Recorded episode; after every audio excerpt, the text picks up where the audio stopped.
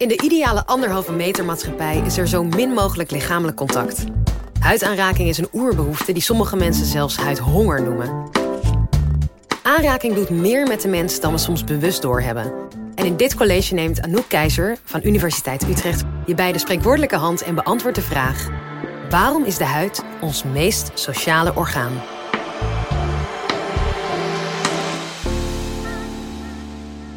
De huid is ons grootste orgaan en zintuig. En die heeft één grote oerbehoefte, aanraking. Het verlangen naar aanraking noemen we ook wel huidhonger. En dit is al aanwezig bij pasgeboren baby's. Die bevinden zich namelijk het allerliefst dicht op de huid van hun ouders. Maar ook voordat ze geboren worden hebben ze al een mate van huidhonger, een behoefte aan aanraking. Wetenschappelijk onderzoek laat zien dat baby's, terwijl ze nog in de buik zitten, anders reageren op aanrakingen van hun moeder dan op aanrakingen van een vreemde. Voelen is een van de eerste zintuigen die zich bij mensen volledig ontwikkelt. En dat geeft wat mij betreft ook wel aan hoe belangrijk dit voor ons is. En het blijft ons hele leven belangrijk. Als kind speelden we spelletjes waarin aanraking centraal stond, zoals bijvoorbeeld handjeklap of tikketje. Maar ook als volwassenen raken we elkaar nog heel vaak aan. Een simpele aanraking kan zelfs al een heel goede indruk geven over wat we van iemand vinden en met wie we te maken hebben. Een mooi voorbeeld hiervan vind ik altijd de beelden van Trump die we op tv zien en de manier waarop hij mensen de hand schudt. Soms pakt hij ze helemaal tot hun elleboog vast en soms, zoals bijvoorbeeld bij de Franse president Macron, laat hij überhaupt hun hand niet meer los. En naast dat we elkaar de hand schudden, raken we elkaar ook in andere sociale situaties vaak ongemerkt aan. Bijvoorbeeld als we iemand willen troosten, maar niet goed weten wat we moeten zeggen, dan kan een aanraking al voldoende zijn.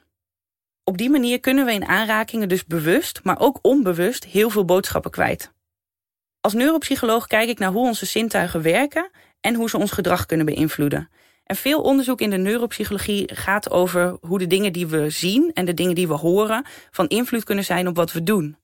Dus denk bijvoorbeeld aan als je nieuwe schoenen wil kopen en je weet precies welke schoenen je wil, dat je dan opeens in de stad iedereen op die schoenen ziet lopen.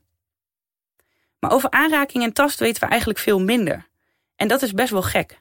Want in vergelijking met onze huid zijn onze ogen en oren maar heel klein. En we weten allemaal, size matters. De huid is ons grootste orgaan en daarom wil ik heel graag weten wat het met ons doet en hoe aanraking ons leven en gedrag kan beïnvloeden. Maar het is eerst belangrijk om te weten wat is onze huid eigenlijk? Als je naar je huid op je armen of je benen kijkt, dan denk je misschien dat het één groot ding is. Maar in werkelijkheid is het eigenlijk een heel complex samenspel van allerlei zenuwcellen die liggen te wachten op aanraking. Wat belangrijk is om te weten is dat de huid uit meerdere lagen bestaat. En in elke verschillende laag bevinden zich ook verschillende cellen. In de diepste huidlagen zijn bijvoorbeeld cellen die vooral actief worden als er gedrukt wordt op je huid. En in de bovenste huidlagen zijn weer cellen die vooral geactiveerd worden door meer zachte en tedere aanraking. De cellen in je huid die staan in verbinding met zenuwbanen richting je hersenen. En dat is ook de manier waarop aanrakingsinformatie op de huid naar de hersenen wordt gestuurd, zodat je hersenen die aanrakingsinformatie kunnen verwerken en interpreteren. Als je bijvoorbeeld wordt geprikt door een wesp, dan is die interpretatie door je hersenen heel helder, want auw, dat doet pijn. Maar als iemand anders jou aanraakt, dan gaat die interpretatie van je hersenen ook samen met meer complexe informatie uit andere zintuigen. Je ziet en je ruikt die andere persoon bijvoorbeeld ook. Stel dat je bij de bus staat te wachten en er staat een creep naast je en die aait opeens over je arm. Dan levert dat een heel ander gevoel op dan als je partner hetzelfde doet als jullie in de keuken staan. Ons hele lijf is verpakt in een huid die eigenlijk maar één groot doel heeft: het registreren van aanrakingen. En je zou dus eigenlijk kunnen zeggen: aanraking is wat ons mens maakt. Binnen de neuropsychologie maken we onderscheid tussen twee verschillende types aanraking. Ten eerste heb je wat ik noem de functionele aanraking. Dus je raakt bijvoorbeeld met je handen het gras aan voordat je wil gaan zitten, om te voelen of het nog nat is. En de interpretatie van je hersenen voor dit soort aanrakingen die is meestal heel erg duidelijk en heel snel. Je weet meteen of het gras nat is, maar als je je handen aan een mok koffie houdt, weet je ook meteen of die te heet is om te drinken.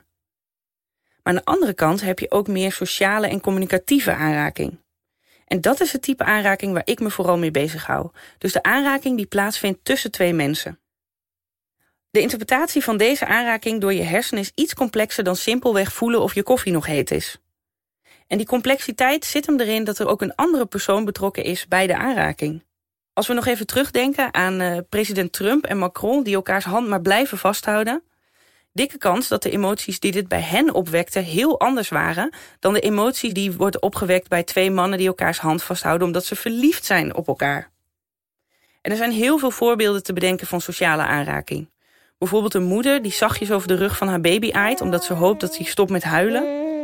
Terwijl je op de bank zit met je partner een serie aan het kijken bent en je aait ongemerkt over zijn of haar arm. I love you.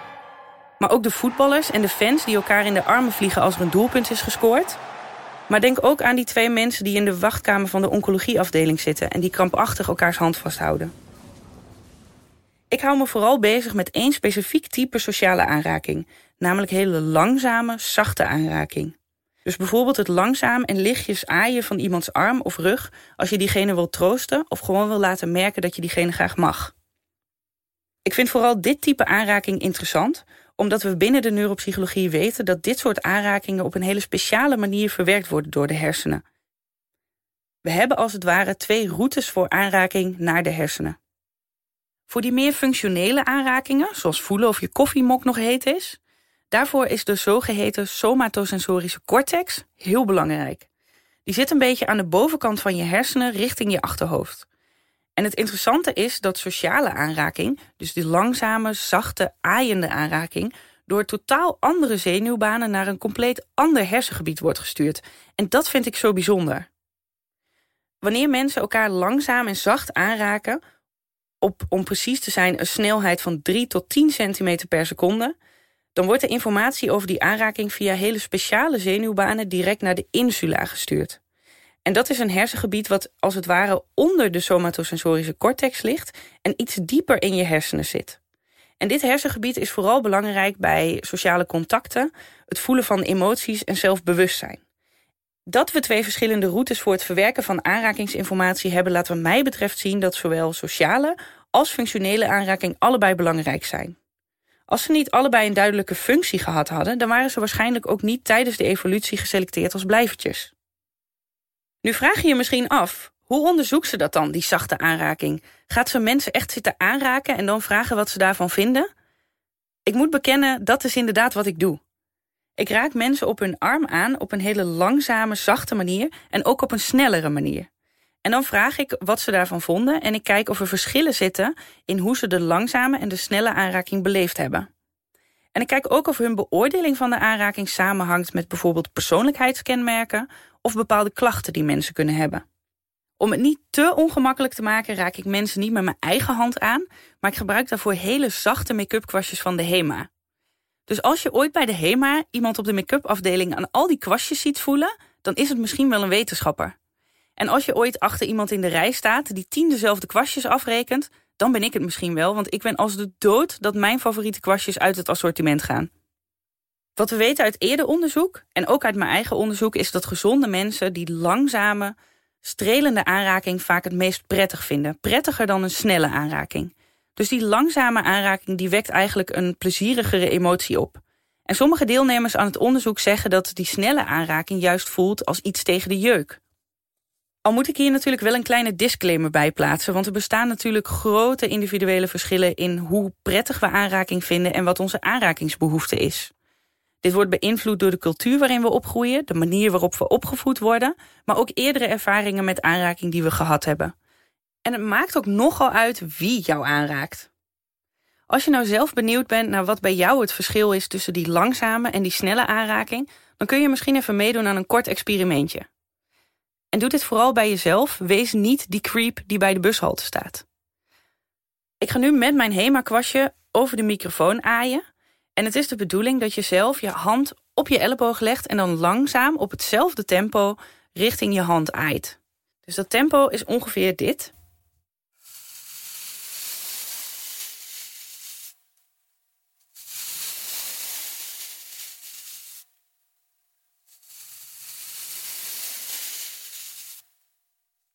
Dus dit was de langzame variant, die mensen vaak heel prettig vinden. En als snelle tegenhanger gebruiken we vaak deze snelheid.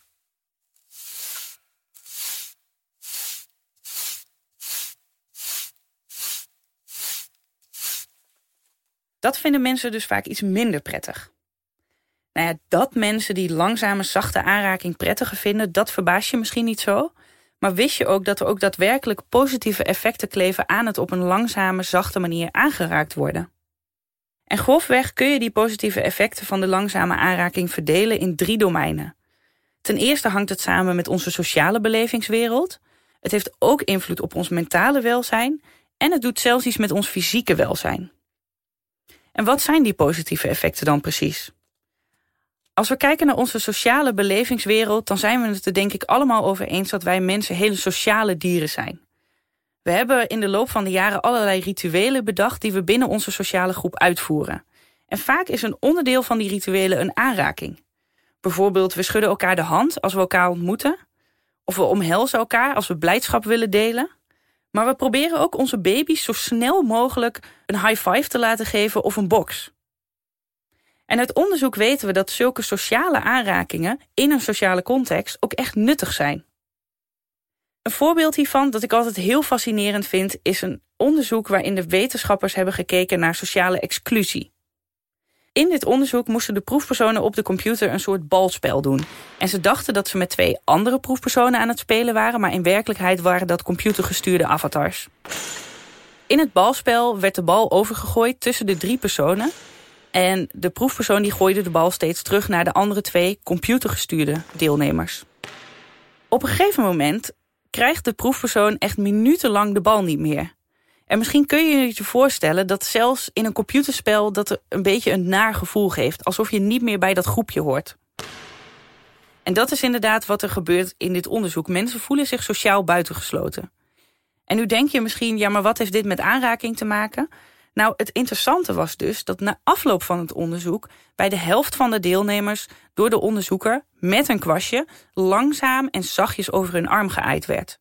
En je zag dus dat de deelnemers die langzaam en zacht aangeraakt waren, zich ook minder sociaal buitengesloten voelen. En dat laat dus zien dat uh, sociale aanraking een heel positief effect kan hebben op onze sociale belevingswereld. We krijgen weer het gevoel dat we bij de groep horen. Ook op ons mentale welzijn heeft die langzame, zachte aanraking een positief effect. Er is bijvoorbeeld een onderzoek geweest waarin de onderzoekers aan de deelnemers vroegen hoe vaak ze door hun ouders waren aangeraakt op verschillende leeftijden.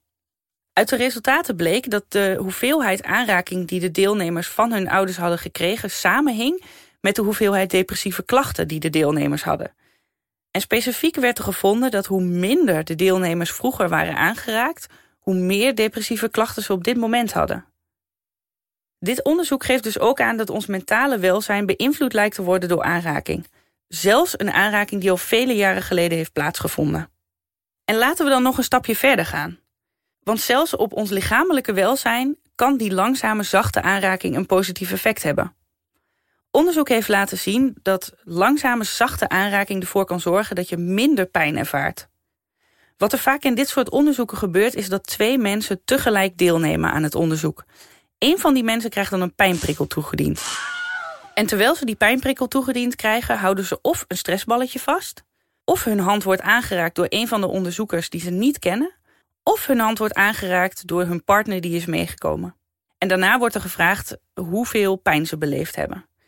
En we zien dat uit bijna al deze onderzoeken blijkt dat de mensen de meeste pijn ervaarden wanneer ze het stressballetje vast hadden.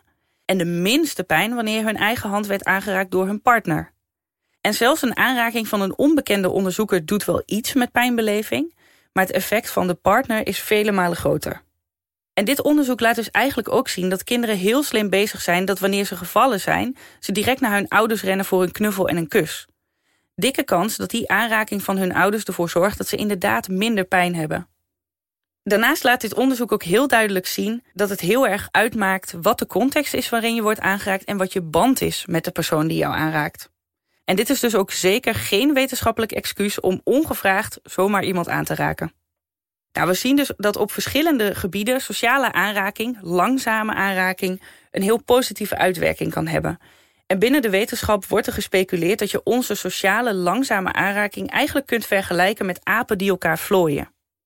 Uit apenonderzoek komt naar voren dat apen elkaar niet alleen om hygiënische redenen vlooien, maar dat ze dit ook doen als er bijvoorbeeld spanning in de groep is of als ze een band willen opbouwen met een andere aap.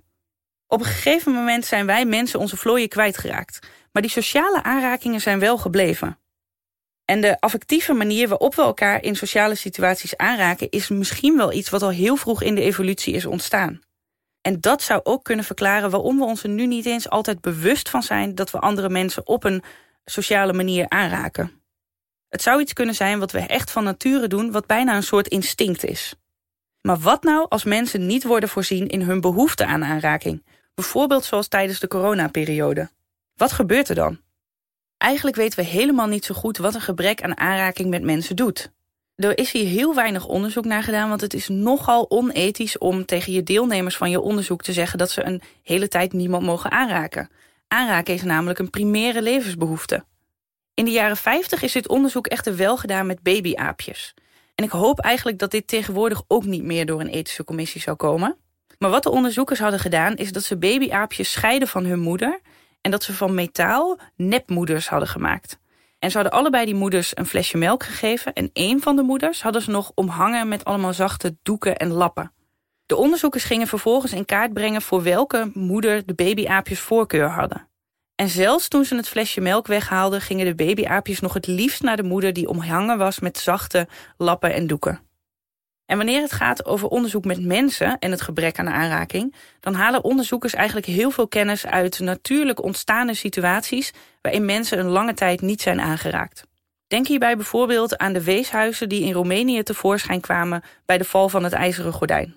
Onderzoek heeft laten zien dat kinderen die in die weeshuizen zijn opgegroeid, het in hun ontwikkeling vaak slechter doen. En dat ze ook in hun volwassen leven er vaak ook slechter aan toe zijn dan kinderen die bijvoorbeeld in een pleeggezin zijn opgegroeid. Zo hebben ze vaak een slechtere baan, een lage IQ en meer emotionele problemen.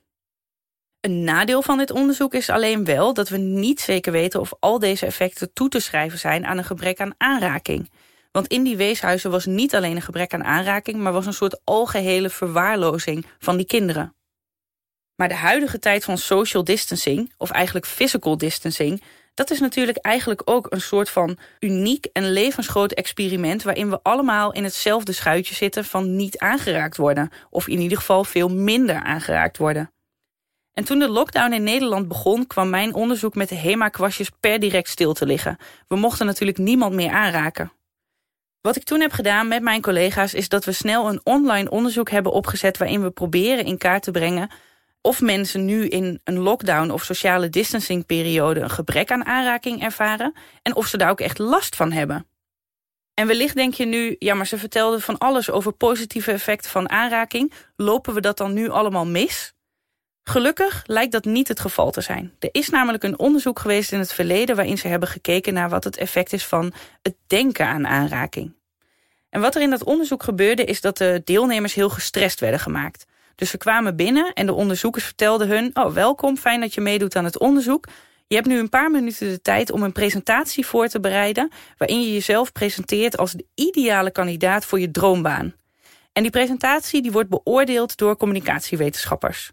Nou, je kan je voorstellen dat dat al een beetje stress oplevert bij mensen. Toen ze klaar waren met die taak moesten ze meteen door naar de volgende taak. En in die taak stonden ze tegenover een hele strenge onderzoeker met een klembord... En die zei dat ze moesten terugtellen in stappen van 17 te beginnen bij het getal 2083.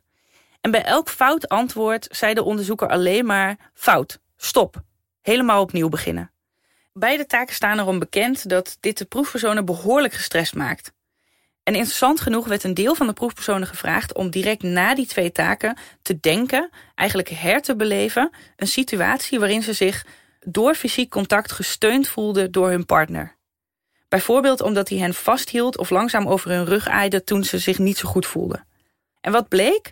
De mensen die aan deze situaties terugdachten, die ze als het ware herbeleefden, die waren veel minder gestrest dan de proefpersonen die dit niet deden en die aan andere random situaties dachten.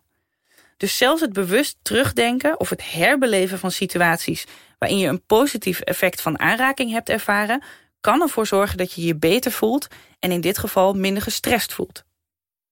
We kunnen dus concluderen dat aanraking echt een eerste levensbehoefte is. Ons grootste orgaan is niet voor niets gemaakt om sociale aanraking te verwerken al voordat we geboren zijn. En dat is ook helemaal niet zo raar, omdat sociale aanraking heel veel positieve effecten heeft. Op ons sociale leven, op ons mentale welzijn en zelfs op ons fysieke welzijn. Maar wel moeten we ons er heel erg bewust van zijn dat degene die ons aanraakt en de context waarin dat gebeurt heel relevant zijn voor hoe een aanraking wordt beleefd. En dat is juist wat onze huid ons meest sociale orgaan maakt. Dus als het weer veilig mag en het is gewenst, knuffel erop los, want het maakt ons mens.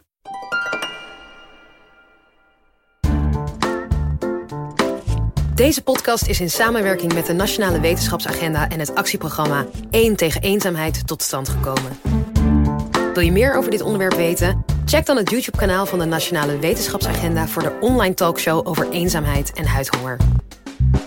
Wil je nou meer afleveringen van de Universiteit van Nederland horen? Check dan de hele playlist en vind het antwoord op honderden andere vragen.